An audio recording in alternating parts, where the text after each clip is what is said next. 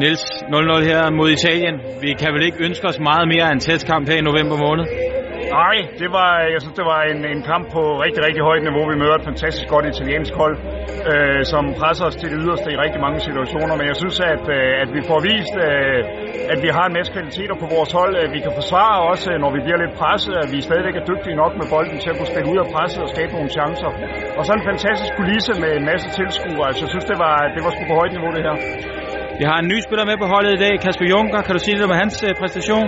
Ja, jeg synes, han gør det godt. Uh, han arbejder jo stenhårdt deroppe i presset og med til at lægge det første tryk i store del af kampen sammen med Kasper Nielsen.